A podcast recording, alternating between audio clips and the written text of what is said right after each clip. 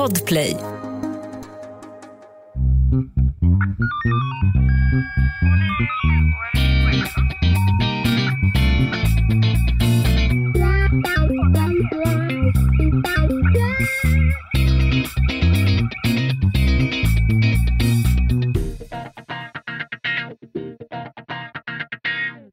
Välkomna till krimpoddarnas krimpodd över min döda kropp.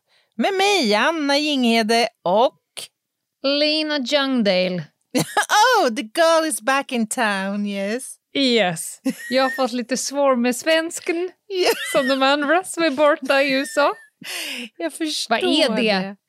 Vad är det med dem som har varit i USA i ett år och sen inte kan prata svenska längre? Ja, det är, det är något väldigt, väldigt speciellt. Jag har ett väldigt starkt minne av en sån här upplevelse. Jag ska inte namedroppa nu, men låt, låt mig bara beskriva honom som en man i de 60-70 idag. Han Mm. flydde USA för att göra väldigt mycket actionfilm och han är även väldigt duktig karateinstruktör.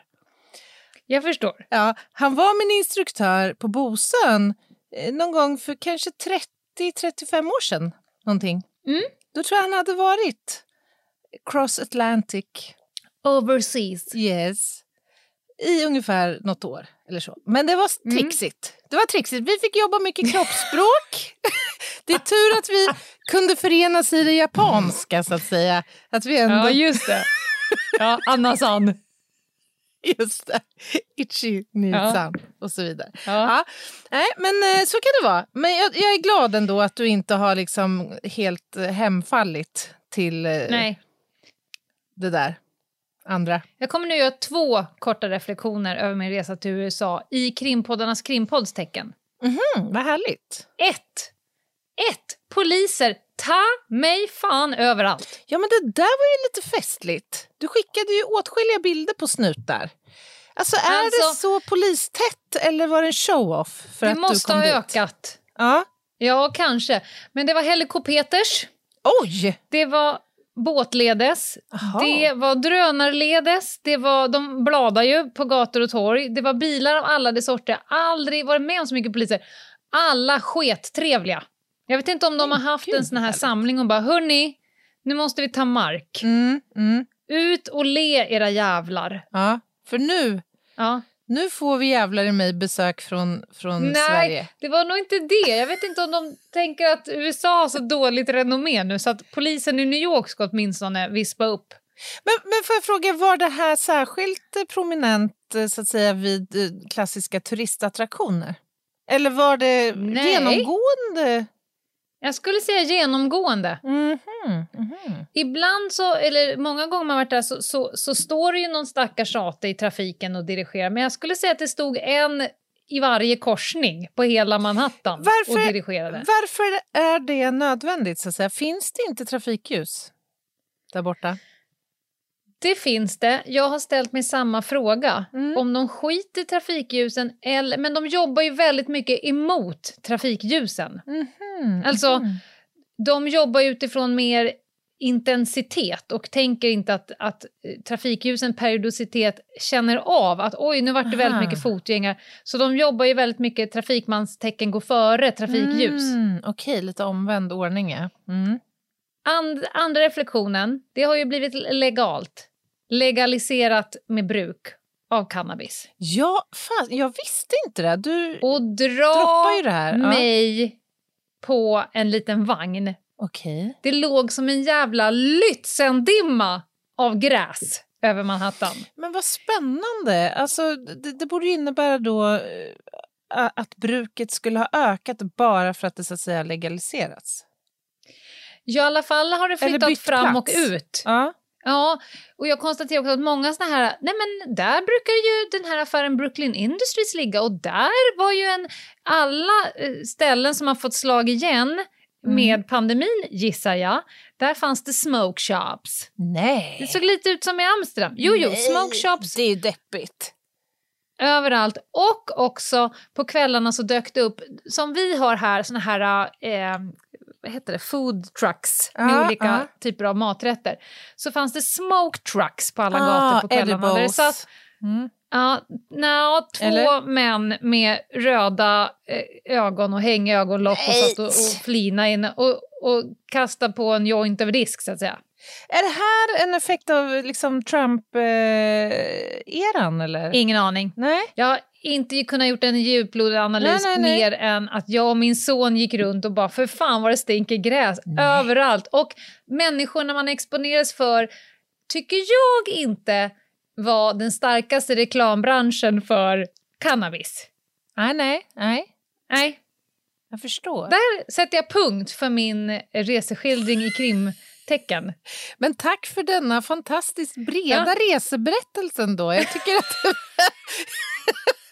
jag förstår att det måste ha varit en kanonresa på alla sätt och vis. Ja, Jajamän, Det kanske det var är dags- där du hade det. Det kanske är dags vi tar, att vi tar en eh, lördagslive snart och avhandlar Ja. lite av vad som har skett. Det övriga. Men idag ska vi göra något helt annat, för det är ju krimtorsdag idag. Idag är det krimtorsdag och vi hade ju innan valet ett avsnitt om rättspolitiskt valfläsk. Nej, efter, men innan det var bestämt. Där Just vi det. pratade om de här förbannade valsedlarna där de eh, lovade eh, fred på jorden och ingen kriminalitet och allt sånt där. Mm. Just det, det var mycket vallöften som eh, cirkulerade Ja, ju. Det Som det. alltid. Och nu har vi ju fått, nu vet vi ju hur det blev. Ja. Vi vet ju det. Och vi vet ju också att de allra flesta av de här vallöftena handlade ju om kriminaliteten. Law Mm. and order. Oh yes. Eh, och nu har det då kommit det så kallade Tidöavtalet. Mm. Ja, men det har ju varit en snackis ett tag. Det har varit en snackis. Och det är det vi ska ägna det här avsnittet åt och nästa torsdag. Jag började pilla lite mer och så insåg jag att det här kommer vi inte hinna med. Nej, men Och alltså. vet du varför?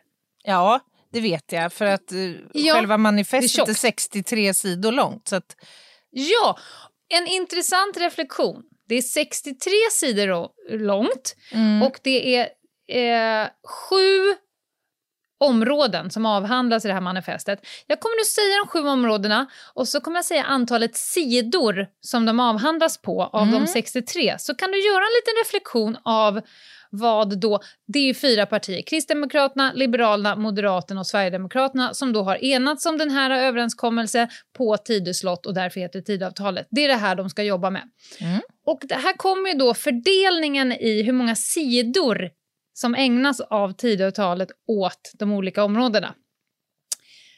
Vård och omsorg då. då. Sex sidor. Mm. Klimat. Sju sidor. Kriminalitet. Elva sidor. Migration och integration. 19 sidor. Skola. 7 sidor. Tillväxt, hushållsekonomi. 5. Mm. Reflektion. Jinghede. Ja, nej, men det finns väl egentligen bara en eh, uppenbar man kan göra. De har lagt mycket krut på migrationsfrågor så att säga. Och det är väl inte så förvånande egentligen. Alltså det har Nej. ju funnits med på, på valagendan eh, liksom redan innan valet att Moderaterna Ja. eh, och så, naturligtvis Sverigedemokraterna främst kanske har utlovat den typen av ganska hårdför politik efter valet om de nu skulle gå segrandes ur valet. Ja, och jag tycker att fördelningen för sidorna i tidavtalet är ganska väl överensstämmande med eh, valskyltarna. Ja, Faktiskt. det är inte särskilt förvånande. inte- man blev inte chockat att vård och klimat och skola fick eh, inte så många sidor om man jämför med kriminalitet och integration och migration. Verkligen inte. Vi ska ägna oss väldigt lite åt att gissa och väldigt lite... Vi, ska, vi är ju Krimpoddarnas krimpodd, en folkbildningspodd. Och Mm. därför kommer vi ägna oss åt de elva sidorna som då handlar om kriminalitet. För det är då själva det de har eh, ringat in det området som. Och vi ska väl ägna oss mest åt att faktiskt säga vad som står och kanske lägga vår kunskapsbakgrund som vi har, vad det kanske eventuellt kan betyda. För det står så mycket ord som de där ute, ni kära lyssnare, inte riktigt vet ens vad det betyder. Nej, och jag, jag, tycker det är viktigt att poängtera redan så här inledningsvis att mycket av det som står i Tidöavtalet är ju förslag. Vilka mm. kommer att kräva eh, utredning och ja. så att säga förhandling i någon mening. Alltså det, ja. det, är liksom inte delar som idag är förekommande, utan det är förslag. Eh, och Det innebär ju ja. inte att vi under den här mandatperioden kommer att se allt detta införlivas. Nej. Utan det här skildrar mer vad nuvarande regering önskar se på det här Exakt. området. Och, viss, och vissa saker kommer ta en pisselång tid för det kommer till och med krävas eh, ändring i grundlag. Och det måste ske två beslut där det dessutom ska ett riksdagsval emellan.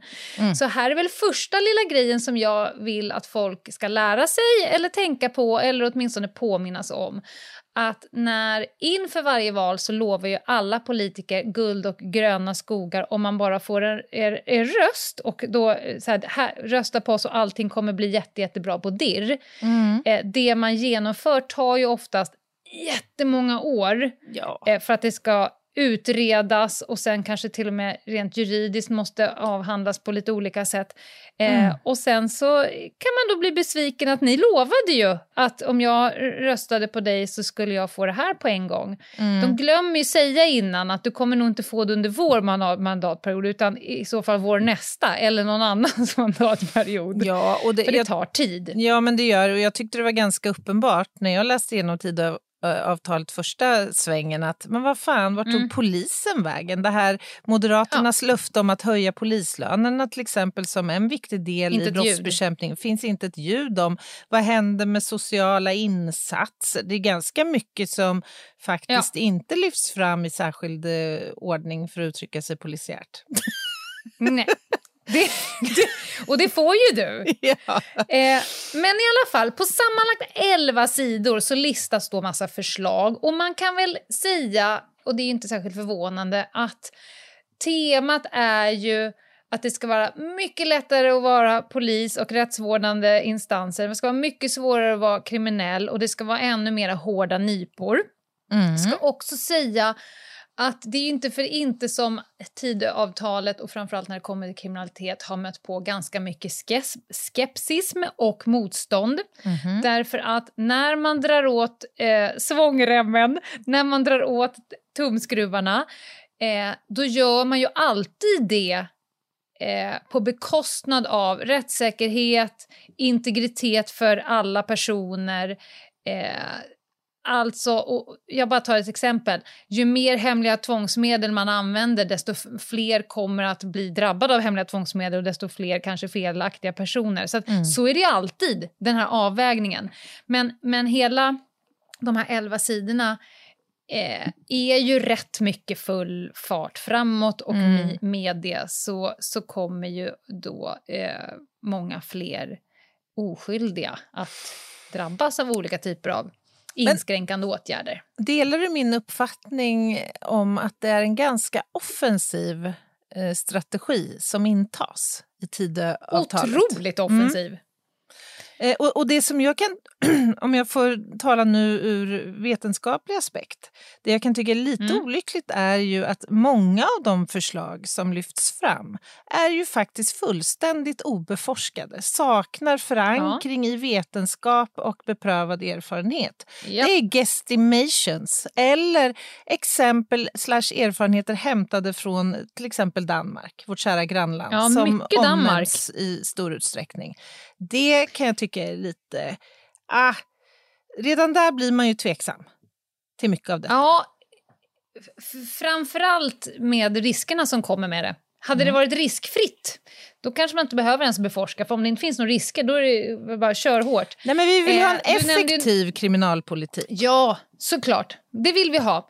Eh, och om man nu genomför de här förslagen eh, som är obeforskade, då skulle åtminstone jag önska att man rätt tidigt utvärderar de här Mm. grejerna som man eh, inför och eh, är snabb på bollen att revidera. Mm. För vi ska inte hålla på att inskränka personers rörelsefrihet och fri och rättigheter om det inte ger någon form av effekt i Exakt. samhället. Exakt. Och chef då, då? Gunnar Strömmer. Ja, vår Han är väl nya ytterst ansvarig nu. justitieminister, va? Han känns ändå rejäl, tycker jag. Han har väl åtminstone varit intresserad av de här frågorna under lång tid. Ja, det får vi Det kan vi utgå väl- ifrån. ja.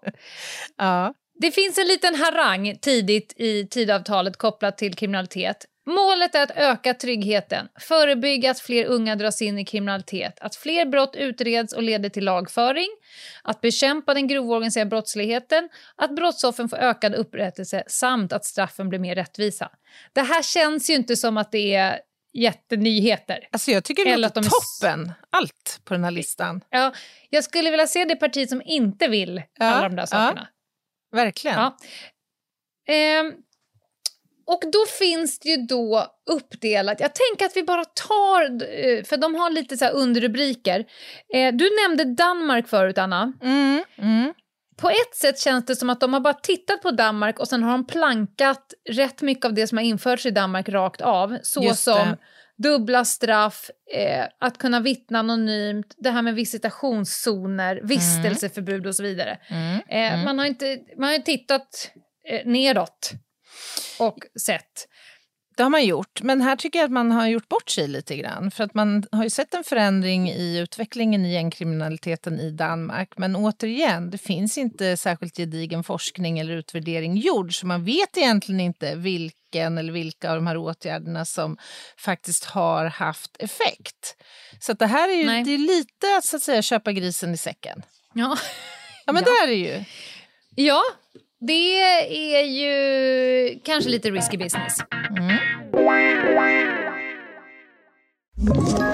Ett poddtips från Podplay. I fallen jag aldrig glömmer djupdyker Hasse Aro i arbetet bakom några av Sveriges mest uppseendeväckande brottsutredningar. Går vi in med hemlig telefonavlyssning och, och då upplever vi att vi får en total förändring av hans beteende. Vad är det som händer nu? Vem är det som läcker? Och så säger han att jag är kriminell, jag har varit kriminell i hela mitt liv men att mörda ett barn, där går min gräns. Nya säsongen av Fallen jag aldrig glömmer på Podplay. Nu kommer vi gå igenom några av, vi kommer absolut inte ta alla för det, det kommer ta veckor. Men det första är då mönsterbrytande åtgärder för att stoppa gängen. De har fullt jävla fokus på gängen kan Mm, jag säga det i, ju. i det här tidavtalet. Mm. Och bland annat då så vill de ju att polis och åklagare ska få samma verktyg till att använda hemliga tvångsmedel som Säkerhetspolisen. Mm. Och vad menar man med det? Jo, fram till nu så är det så att det måste finnas en aktiv brottsmisstanke för att polisen ska ka- kunna använda hemliga tvångsmedel. Och det har vi ett helt avsnitt om. Ni kan Mm. titta efter det. Eh, och i nuläget så får Säkerhetspolisen göra det i preventivt syfte, alltså utan brottsmisstanke, när det kommer till till exempel terrorbrott och eh, spioneri. Mm. Och det man nu säger då är att man vill ge polisen samma möjligheter att preventivt använder sig av eh, hemliga tvångsmedel. Och då ska det vara kopplat till de allra grövsta brotten och personer som rör sig i gängkriminell miljö. Vi pratar om mord, människorov, sprängningar, grova narkotikabrott. En fråga där. Spontan känsla? Ja. Ja, alltså känslan är så att när vi pratar i preventivt syfte då menar vi alltså för att förebygga brott. Men kan man också tänka sig att möjligheten öppnar upp en, eh, en möjlighet att jobba upp en misstanke? Alltså förstår du vad jag menar? Det kommer li- jag förstår Mm. precis vad du menar. Det kommer lite senare, och det står också i tidavtalet, Eh, jag vet, kommer inte ihåg hur de uttryckte eh, sig direkt, men de, de vill att man utreder hur polisen ska få jobba eh, det jag läser är provokativt. Mm, Alltså att man ska kunna göra mer saker innan ett brott har begåtts för att kunna lista fram, eh, eller hysta fram bevis om att ett brott planeras. Ja, och, och det kan man ju säga är såna delar som man har sett i Danmark faktiskt Ja. har varit mer vägvinnande än mycket av det här andra. Ja. Det vill säga bättre utredningar eh, och att kunna så att säga, Mm. eh, inhämta bevis och Ja. få fällande domar. Och hemliga tvångsmedel är ett jättebra verktyg och det är helt nödvändigt eh, för att komma åt eh, viss typ av brottslighet. Och det finns ju, regeringen har ju gjort utredningar över, över hur de hemliga tvångsmedel används idag och kommit fram till att de används fullt ändamålsenligt och att det ger väldigt god effekt. Så det man gör nu det är att man vill utreda och man ska då ge polisen samma möjlighet som Säkerhetspolisen, som är en annan myndighet, att jobba mer med det och inte behöva vänta till att brottet har begåtts. Eh, Så att eh, jag är väl försiktigt positivt till det här. Utred det och se om det kan hjälpa. Samma här. Och så ska vi då komma ihåg att det då gäller bara de allra grövsta brotten. Mm. Mm. Och sen så någonting som är då kanske lite mer kontroversiellt är att man ska kunna utvisa gängkriminella som saknar svenskt medborgarskap utan att de har dömts för brott. Det här är spännande. Det är jag. Ja. Alltså jag hade tyckt att det hade kunnat vara ett eh, hyggligt förslag om det kanske hade koncentrerats dels till återfallsförbrytare. Eh, här, alltså, för det första så är ju det här en svårforcerad terräng. För den organiserade kriminaliteten är ju faktiskt till att börja med inte särskilt organiserad. Så då, alltså, Nej. då ska man först och främst kunna konstatera att eh, det är fråga om att man har begått brott i ett kriminellt gäng. Liksom. ja, nätverks... Ja. Ja, och redan där ser Mm. jag stora problem. Vi har också EU-regler som faktiskt inverkar här som inte alls omnämns i Tidöavtalet. Nej. Vad Nej. tänker du? Eh, och, ja, men jag tänker samma sak. Det står ju att det ska gälla personer som kan kopplas till organiserad brottslighet eller organiserad kriminalitet. Lycka till med den! Att kunna tillverka en klosslåda så att man lätt kan stoppa ner rätt kloss i den lådan. Jag, jag ser utmaningar i det. Eh, och sen så vill man också göra en kartläggning över hur många utländska medborgare som är aktivt gängkriminella. Mm. Jag tror att man har en förenklad och en förskönad bild hur ett gäng ser ut. Verkligen. Verkligen. Mm. Här har de Ja, lite att jobba med. Vi får se. Mm. Sen kommer de här dubbla straffen och det har de infört i Danmark. Mm. Och det är alltså att man vill kraftigt skärpa straffen för gängkriminella. Vi pratar ju alltså om inkapacitering återigen. Det vill säga när du sitter i fängelse och du sitter där länge medan du gör det så begår du inga brott. Det är det man vill åt. Just det. Och du ska veta att håller, håller du på med gängkriminalitet då finns det en straffskärpningsgrund som gör att du kommer inte bara få ett straff utan i princip dubbelt straff för Mm. samma brott som någon eh, begår som inte är, håller på med gängkriminalitet. Ja, och vi behöver ju inte gå in närmare på resonemang kring om det här kommer att ha effekt på kriminalitet eller inte. Det har vi gjort i tidigare avsnitt, eh, senast i livepodden. Eh, men däremot, en liten kommentar där. Jag undrar om man har funderat på vad det här kommer innebära för kriminalvården. Jag gjorde ett litet räkneexempel på det här. Alltså om, Ja. om, om alla som döms för gängbrott får då dubbla straff så skulle det utifrån dagens dömda krävas ytterligare 500 platser på svenska anstalter. Eh, och det säger ju en liten, liten utmaning i sammanhanget. Jag ser inte att man har tagit någon slags höjd för det i avtalet. Nej. Bara en reflektion. Ja, men det är bra, Anna. Vi, vi kommer komma in mer på vad de vill göra för kriminalvården senare. Och det är inte bara där de kommer få svett mellan skinka, så att säga. Utan det, det kommer rinna. Det kommer vara som ett Niagarafall där bak för kriminalvården. Där bak också. Ja, mellan skinka. Den är ju oftast där bak. Mellan skinkan. Ja, ja du Okej, förstår vad jag menar. Jag förstår. Vi går vidare. Vi går vidare. Visitationszonerna, de har ju, varit, de har ju trendat i media. De har trendat jävlar. Ja. Och vad är detta då? Jo, det är att det finns zoner och det är tidsbegränsat. Att när du är på en plats Och det kan vara, eh, man får söka på människor eller i bilar. Eh, så har då polisen utökad möjlighet till visitation. Och detta handlar om att de ska söka och hitta illegala vapen och sprängmedel, und so weiter, eh, efter åklagarbeslut. Här har det ju dykt upp rätt många kritiker i media Mm, och det det, lustiga är att samtliga av dessa kritiker är poliser. Mm. Och och jag förstår det verkligen för att ett, som polis vet man att det finns redan idag jävligt mycket eh, möjligheter om man har en eh, tänkbar misstanke om att, visit, eh, om att en person har någonting på sig. Mhm. Det finns redan verktyg och lagstöd för att genomföra den här typen av visitationer. Mm. Två, den kritiken som har varit, det är ju att man eh, är rädd att förtroendet för polisen, rättsstaten, samhället eh, blir mer tilltufsat och att skapa mer eh, antidemokratiska eh, vingar på det här eh, skeppet eh, eller ett samhällsförakt. Det skapar mer problem än vad det ger att slentrianmässigt få visitera alla människor som befinner sig på ett visst område vid en viss tidpunkt. Vi vet ju vilka områden eh, som inte kommer bli drabbad av det här och så vet vi vilka områden som kommer att bli drabbade av det här. Ja, alltså, och, och bortsett från att man bygger in eh, en diskrimineringseffekt, eller riskerar att göra det, så är det ju också så att Ja. det här är ju en princip som man inte faktiskt har sett har in, eller medfört särskilt stora effekter på brottslighet. Ju. Så det här är ju ett exempel på eh, en, en chansning och en risk man tar eh, och där man riskerar faktiskt ett rubbat förtroende för rättsväsendet och då eh, nämnda diskrimineringseffekter. Otroligt bra sagt, Anna.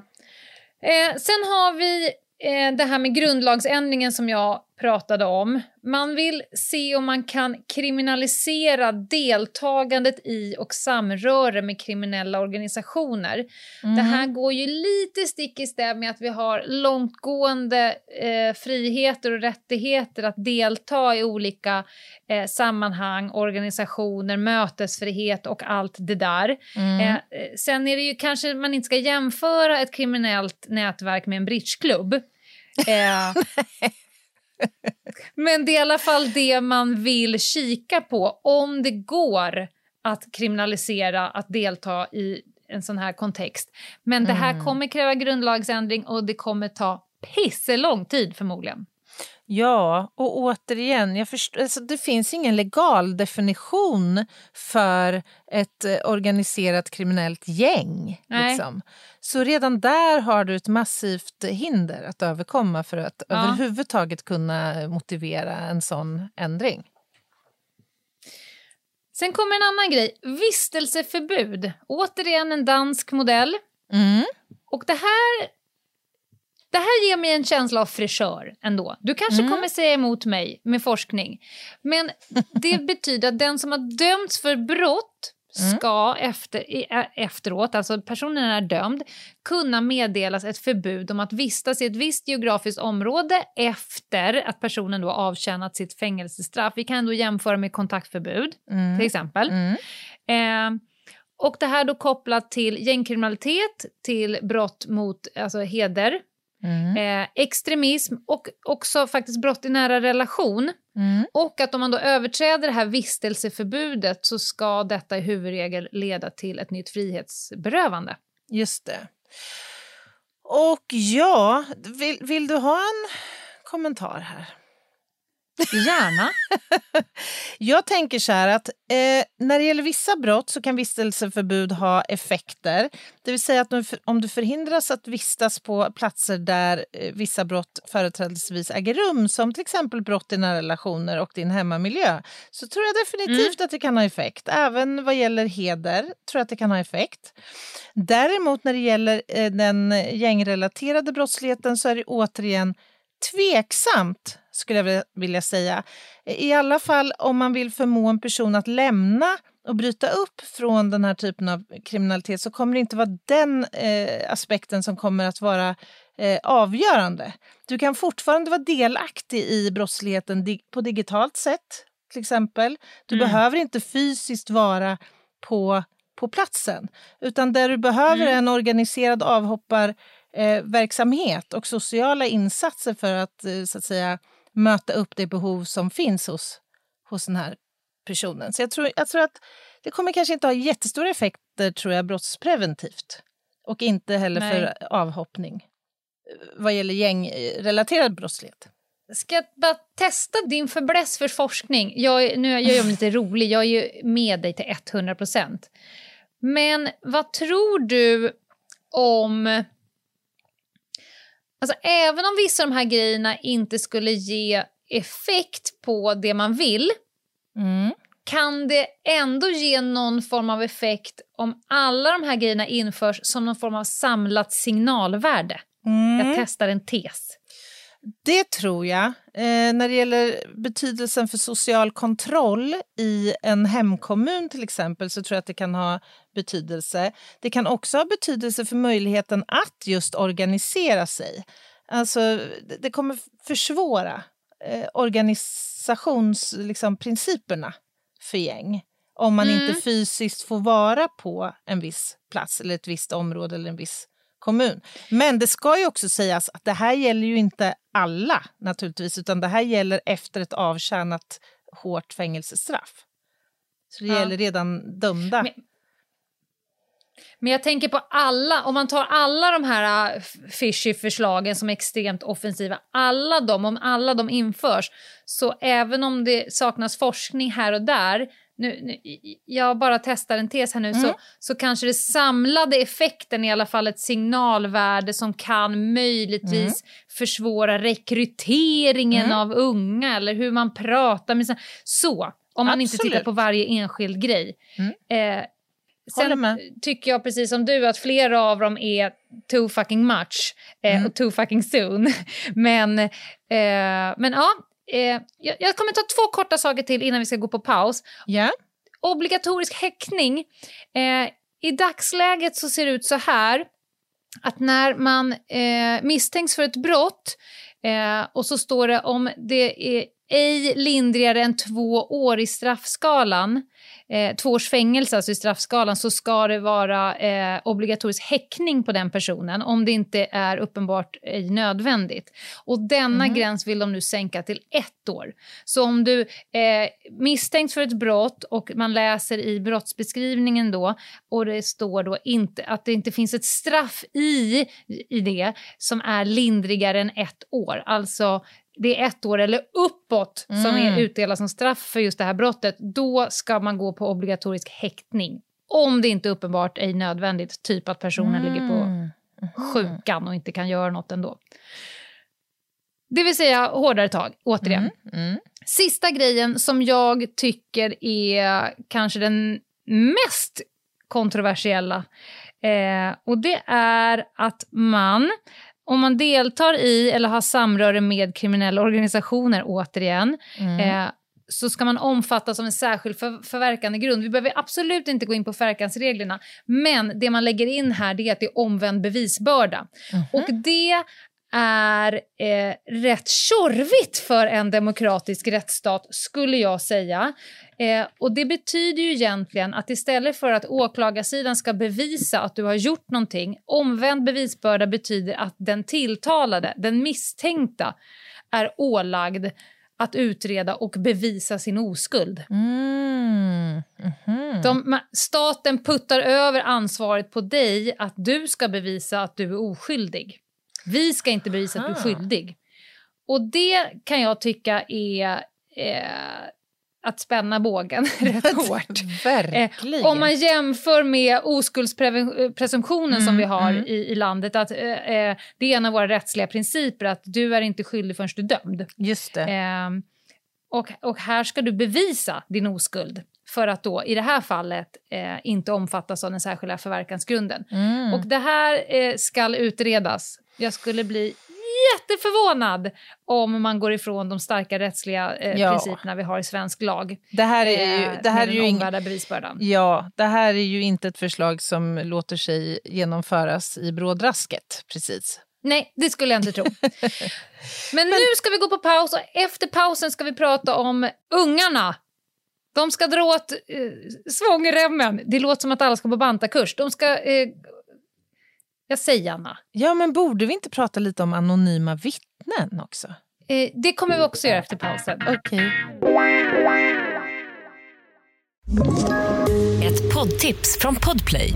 I fallen jag aldrig glömmer djupdyker Hasse Aro i arbetet bakom några av Sveriges mest uppseendeväckande brottsutredningar.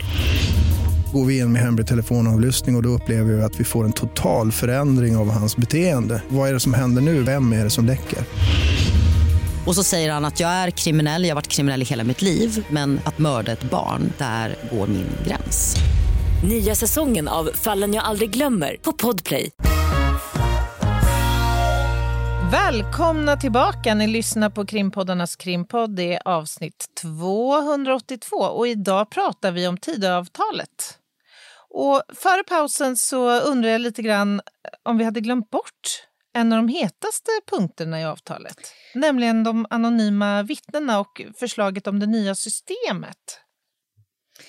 Nej, det har vi inte. Men på mitt papper har jag med blyerts gjort en klammer på alla dem och skrivit obs, obs, ett helt eget avsnitt. Aha! Just för att det är så intressant. Smart. Med, men vi kan ju bara nämna, de vill ju precis som i Danmark eh, prångla ut ett system där man ska kunna vittna anonymt Mm. eh, och att man också ska utvärdera det här med kronvittnessystem och kanske till och med också straffreduktion för kronvittnen. Förklara, Eh, förklara för är- lyssnarna vad ett kronvittne är.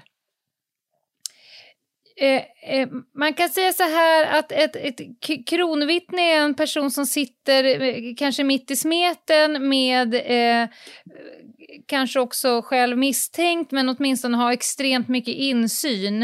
Eh, lite som ni ser på amerikanska filmer. Att säga som det är så, så köper du dig fri eller köper dig eh, lägre straff. Det är ju egentligen det det handlar om. Eh, och det här tillsammans med att vara anonyma vittnen, att man ska våga vittna. För det är ju svårt att utreda vissa brott i det här landet. För att folk inte vågar, inte vill, för det finns en tystnadskultur, en golarmentalitet, alltså en anti-golarmentalitet. Eh, att det är absolut livsfarligt att säga som det är. Ja. Och då nu vill man ju utvärdera lite system för att slå hål på det. Att du ska kunna vittna anonymt och att du faktiskt ska, om du eh, läcker till polisen, eh, tjäna någonting på det och kanske inte dö på kuppen. Ja, men bra sagt, Lena. Och mina, mitt lilla, lilla tillägg bara som min kommentar det är ju att i grund och botten är det ganska dåligt med anonyma vittnen. Ju. Alltså utredningsmässigt och, och allt det här. Eh, men jag håller med i övrigt. Rättssäkerhetsmässigt. Rättssäkerhetsmässigt. Jag håller, alltså, Möjligheten att kunna anklaga någon annan på falska grunder och all, allt det där. Absolut. Men jag håller med. Det kan vara en viktig del och funktion för att få människor att våga berätta. Och återigen, om jag kopplar tillbaka till vad forskningen visar om vad som faktiskt har haft effekt på gängbrottsligheten i Danmark så är det just bra polisutredningar och då en hög, med en högre andel uppklarade fall. Och där tror jag att anonyma vittnen faktiskt kan vara ett exempel på en åtgärd som faktiskt kan hjälpa rättsväsendet att skaffa bevis. Jag är pro det här förslaget. Jag gillar det. Att du är det. Ja. Alltså, f- för att ibland så måste man kasta handsken. Om Mm. ingenting annat funkar. Vi är inte eh, per se emot eh, progressiva och eh, hårdhandskar. Men man måste hela tiden väga det mot bekostnad av vad då Mm. och är det värt? Och ibland kommer man ju fram till svaret ja, det är värt. Det är därför vi har allt våldsmonopol och allting. Man vid varje enskild situation funderat på är det värt? Just det. Eh, alltså, att du inte får köra över 70 kilometer i timmen, att du inte får göra det ena och det andra i ditt liv, det har att göra med att man har kommit på för att för kollektivet så är det unisont värt. Underställ dig din individuella lilla sate, säger staten till oss ganska ofta. Ja. Jag Så tittar sant. på klockan och- och så tittar jag på schemat och så konstaterar jag att du har också en lista. Vi, vi sparar hela ungdomsgrejen, eh, för det är rätt mycket om LUL, Mm, LVU, mm. sånt där. Och så tar vi den här med kriminalvården, för den var vi faktiskt inne på. Och sen ska du få köra din lista. Just så det. kör vi För nästa vecka kommer då bli allting om ungdomarna. Det kommer bli en del om eh, skärpta straff och nya brott. Sekretess. Eh, det kommer sekretess och man kommer slopa eh, olika typer av saker som innan har varit lite mer förmildrande omständigheter. Men också så kommer vi prata om vad rikspolischefen säger om det här, vad Polisförbundet säger om det här och kanske lite till om forskningen. Det nästa vecka. Nu kommer vi avsluta, jag bläddrar febrilt i det här jävla avtalet och allt jag har antecknat, om kriminalvården. Mm.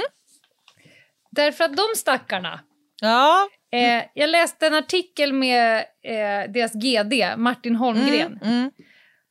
Hela artikeln eh, hade en, ett uns av stress. Ja, han sover nog lite oroligt, tror jag. Ja, eh, han, han, citat, det skulle ha en väldigt, väldigt stor påverkan på oss. Mm, mm. Eh, dels att man tar bort direktivet till domstolarna att försöka hitta andra straff än fängelse.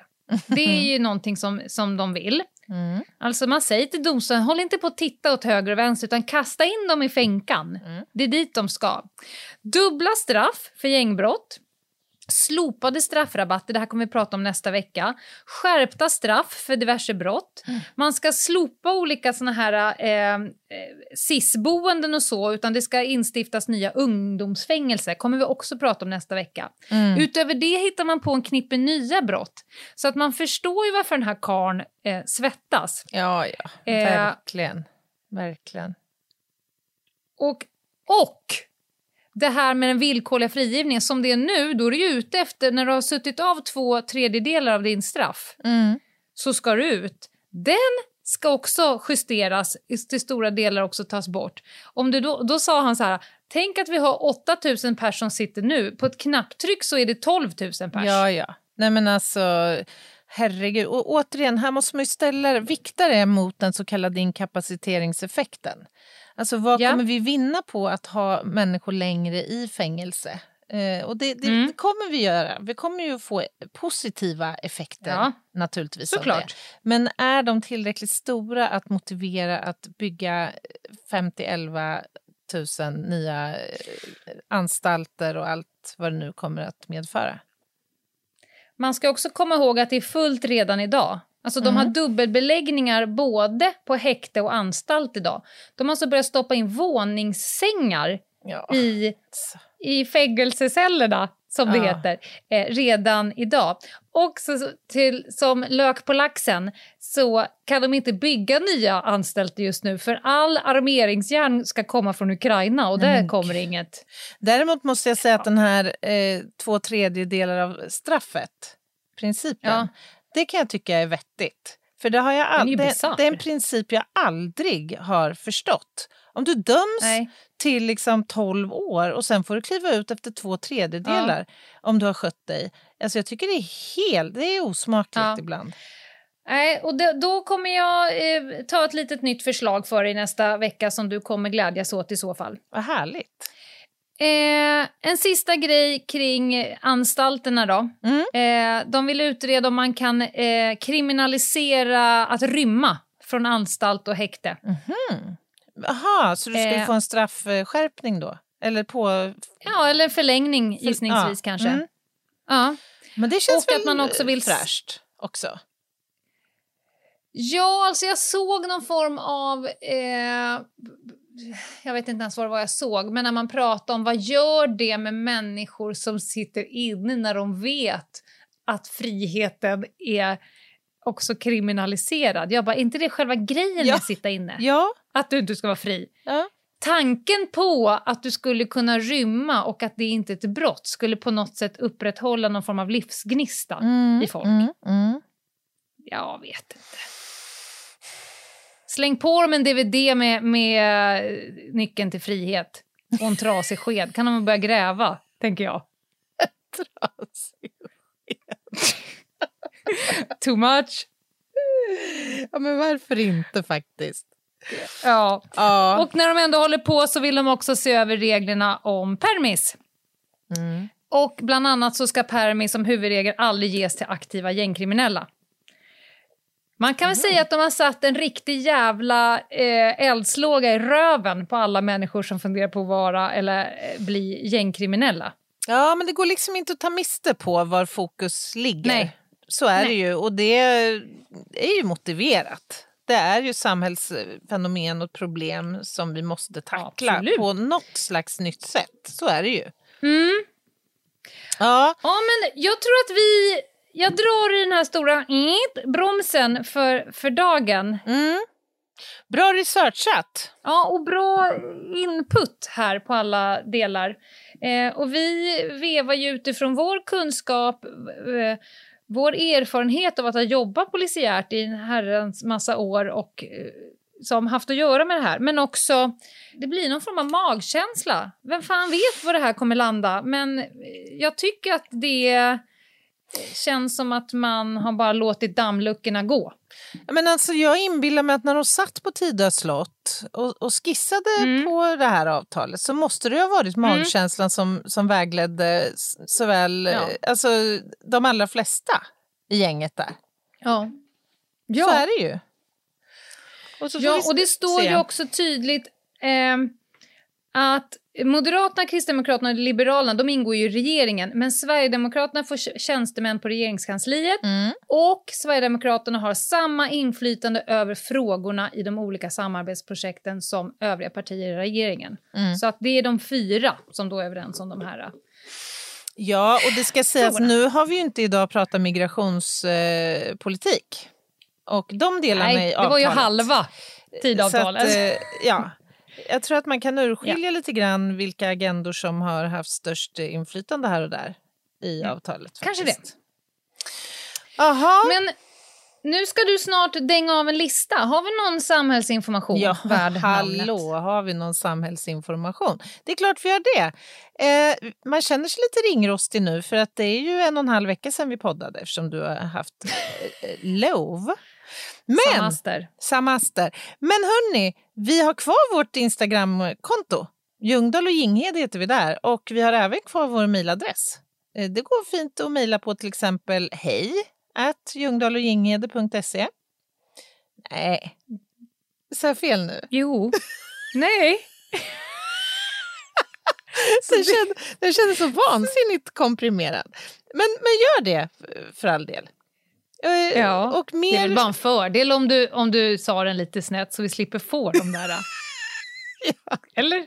Ja, säkert. säkert. Men bortsett från det så vet jag faktiskt inte vad vi har att bjuda på i samhällsinfo.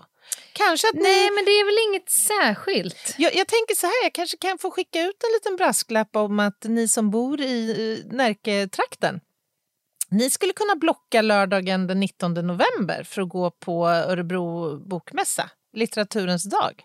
Där kommer nämligen jag och Ljungdahl hänga och, och ta emot er med Det öppna kommer vi famnen. Ja. Så det kan vi Mhm. skicka med, tycker jag. Annas jätte, jätteviktiga lista. Nu vill jag inte höra någonting annat än en lista om djur eller kön. Ja, jag Det måste... är där du brukar vara. Ja, det är det jag brukar veva runt, men jag måste göra dig besviken. För att Mhm. det är så här, du har ju nu varit och gottat dig på andra sidan Atlanten. Du har haft samaster som du sa, du har upplevt saker. Mm. Du har, jag har sett, det här, det här har gjort dig gott. Du har mått bra. Men själv, Korrekt. själv har jag vältrat mig. Och jag vill vältra mig mer. Jag, alltså jag vältrar mig just nu så mycket i årstidens vedermödor. Just den här årstidens vedermödor. Alltså, och. Det det fakt- och det faktum att jag varje dag fantiserar om diverse tillflyktsorter. Och det handlar, det handlar företrädelsevis om, om tillflyktsorter i varma klimat. Ja. Och, och jag har ju också, det är lite lustigt, jag har ju en återkommande dröm som verkar just nu vara extremt återkommande. Det är som att den påminner, alltså jag drömmer då att jag hittar nya, tidigare liksom okända rum i min egen bostad. Alltså du vet den här, jag får den här Narnia-känslan. Alltså jag går in, jag går in i en garderob, hittar en dörr som jag inte visste om. Och, Anna? Ja, ja. Anna, du vet vad det är för månad nu va? Det är full beaver moon month. Just Är det här som har gjort det hela och slagit runt? Ja, det kan det vara. Men det är, jag Jaha. gillar drömmen för att jag vaknar upp i en ny miljö. Jag får upptäcka, åh, oh, men gud, hallå, Dale, vi har en hel jävla spa-avdelning under vårt hus. Alltså så kan drömmen se ut. Och jag vaknar och, och känner mig ändå nöjd och glad. Och det, Men det, vad så otroligt motsägelsefullt från måndagens spaning. Vi kan ju konstatera nu att du har ju dina magiska skogar men du måste vara i... sovandes. Ja, ja. Men jag, Exakt. jag tänker så här, det kan ju, Okej. jag tänkte så här, det kan ju inte bara vara jag som känner för att fly. Det, det måste ju finnas fler som vill fly. Så därför så hade jag tänkt att bjuda eh, på en lista idag eh, över människor som har valt att helt enkelt göra sig inneboende på udda ställen. Oj. Ja, eh, jag börjar på plats nummer fyra.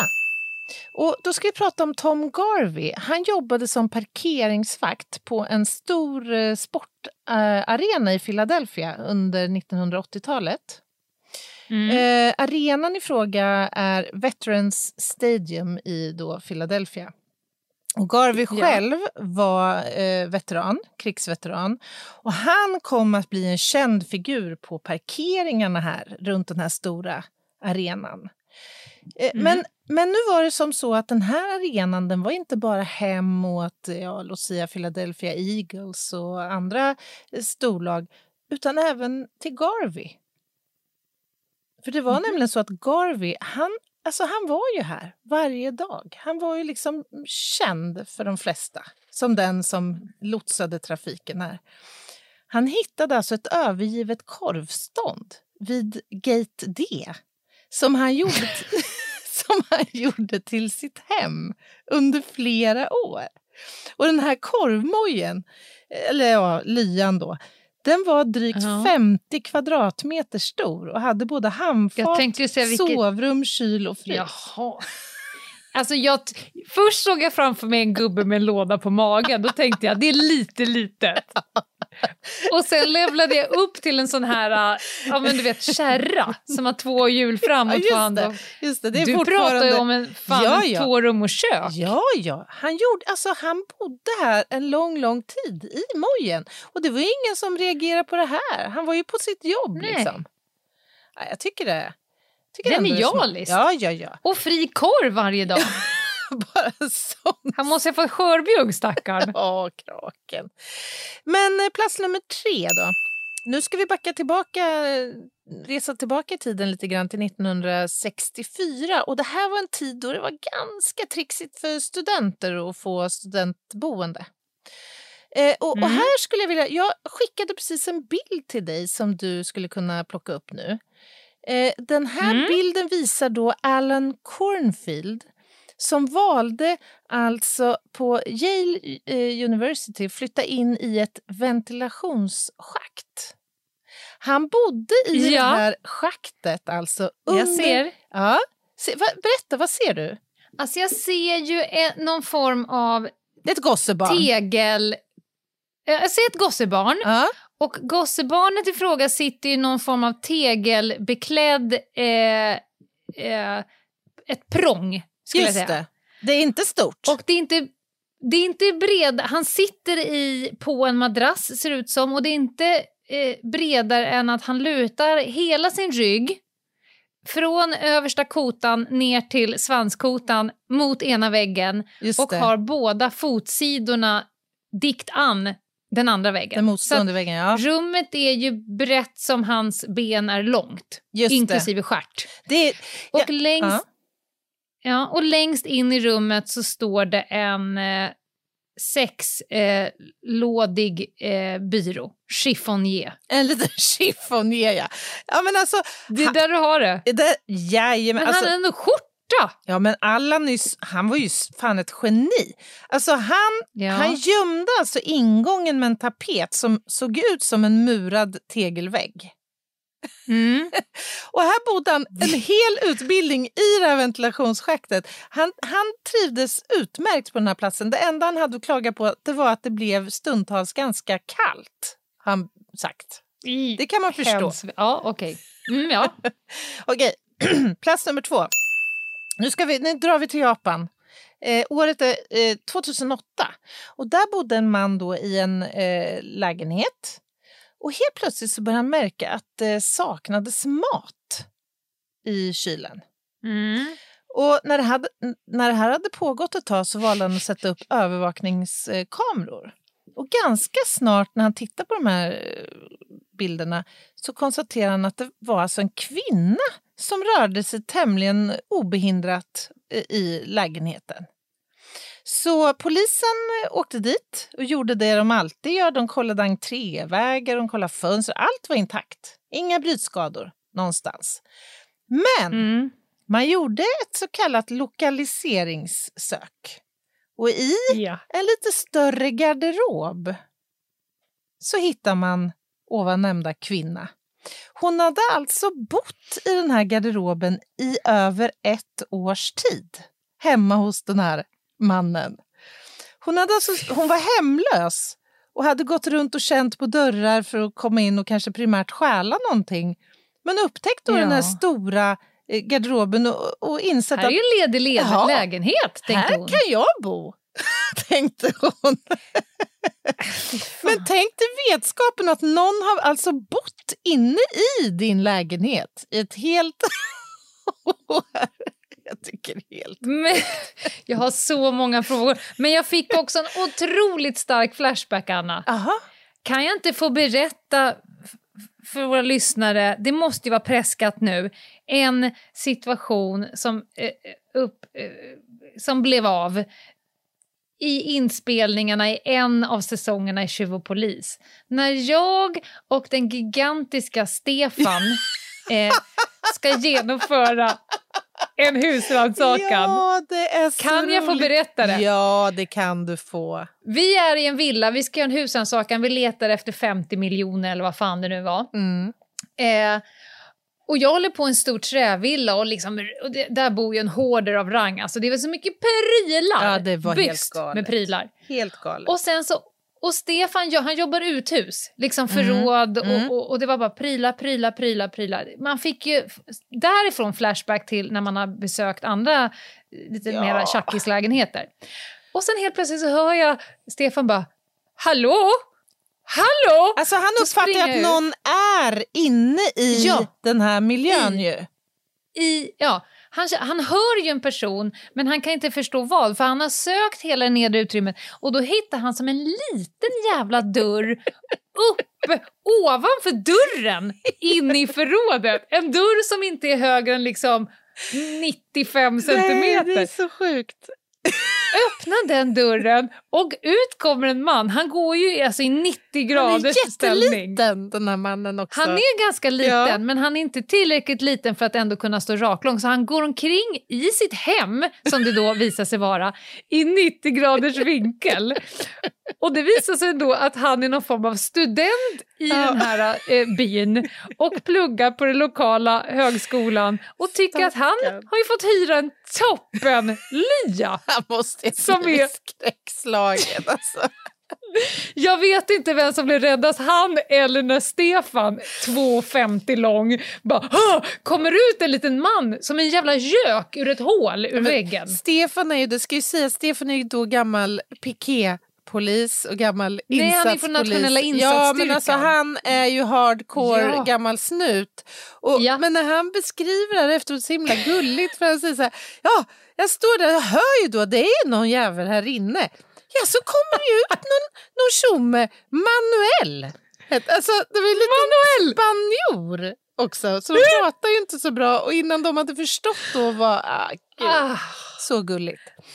Ja, Okej, nåväl, du får plats ett nu. Here it comes. Ja. Alltså, och det här tycker jag ändå är listans mest kreativa ansats. Ändå. Det, det, det här priset Mhm. går till en snubbe vid namn Michael Townsend som bodde i hela fyra år på ett hemligt ställe. Nämligen inne i ett köpcentrum. Han lyckades alltså tillsammans med några vänner att bygga ett fullt utrustat, hemligt ja, som en lägenhet med i tångblock och dörr och sovrum och kök. Var? Och hela skiten på 75 kvadratmeter inne i ett köpcentrum i USA. Och Det enda han saknade i lägenheten det var rinnande vatten men det kunde man ju då lösa smidigt utanför eftersom det fanns eh, toaletter och badrum i själva köpcentrum centrumet. Och det här utrymmet man hade byggt då i, det var helt enkelt Ja. en ritningsmiss av arkitekten. Alltså det fanns ett dött utrymme här som då upptäcktes och som var bebott i fyra års tid. Det här upptäcktes dock till slut av eh, vakter på köpcentret och Townsend fick eh, böter för trespassing och Ja. inte så förvånande ett livslångt besöksförbud till det aktuella köpcentret. Nej, vad tråkigt. Vistelseförbud enligt tidavtalet. Typiskt. Typiskt. Typiskt. Men ändå Alltså, men- fast jag- spännande. Det är Narnia-känsla Ja, det här ju. Ja, och jag måste ändå gilla... Visst, vissa saker är ju direkt olagliga och kanske olämpliga. Men jag gillar ju ändå kreativiteten. Ja, det måste man ju göra. Jag minns, jag minns en person i min eh, kontext Ja. som inte hade råd att följa med sina kompisar när de skulle åka på skidresa till La Grave Mhm. med UCPA, Franska friluftsfrämjandet. Varpå han fick polarna att smuggla in honom så att när bussen lämnade Stockholm så stod han längst bak i den här eh, lodrätta packlinen där alla skidorna står. Så han stod alltså mellan skidorna på väg ner för Sverige, över till Danmark och så vidare. Men de hittade honom någonstans i Tyskland när de skulle lasta om. Då tog de ut honom. Han hade ju för fan för Jag typ frusit Jag tänkte fast. säga, han måste ju ha varit som en eh, istapp hela Ja. han. Han, han blev hemskickad och fick aldrig mer åka med UCPA. Åh, Det är typiskt. trist. Ja, det är trist. Ja, Ja men fan vad kul Anna! Ja, det var vad vi hade att bjuda på den här veckan. Ja.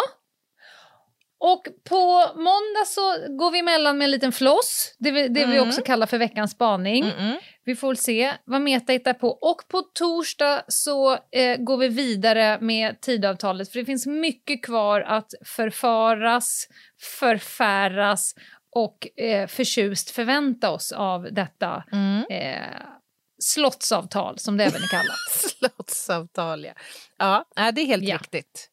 Det blir spännande tycker jag. Eh, och hörni, kolla gärna igenom era garderober innan ni går och lägger er. Vem vet, kanske har ni någon hemlig dörr där. Och Manuel. mejla gärna i så fall eh, om dessa Ja. upplevelser. Det ser jag fram emot. Ja, fast om ni hittar, bara en liten liten passus. Om ni hittar en person som inte verkar må jättebra Ja. i närheten av ert hem, filma inte personen. Låt inte någon peta på personen, utan bara så att säga hjälp. Gör det som förväntas när man stöter Ja. på en människa i en utsatt situation. Ja, Ring 112. fick vi det sagt. Mm. Hej då. Ta hand om er. Bye. Bye!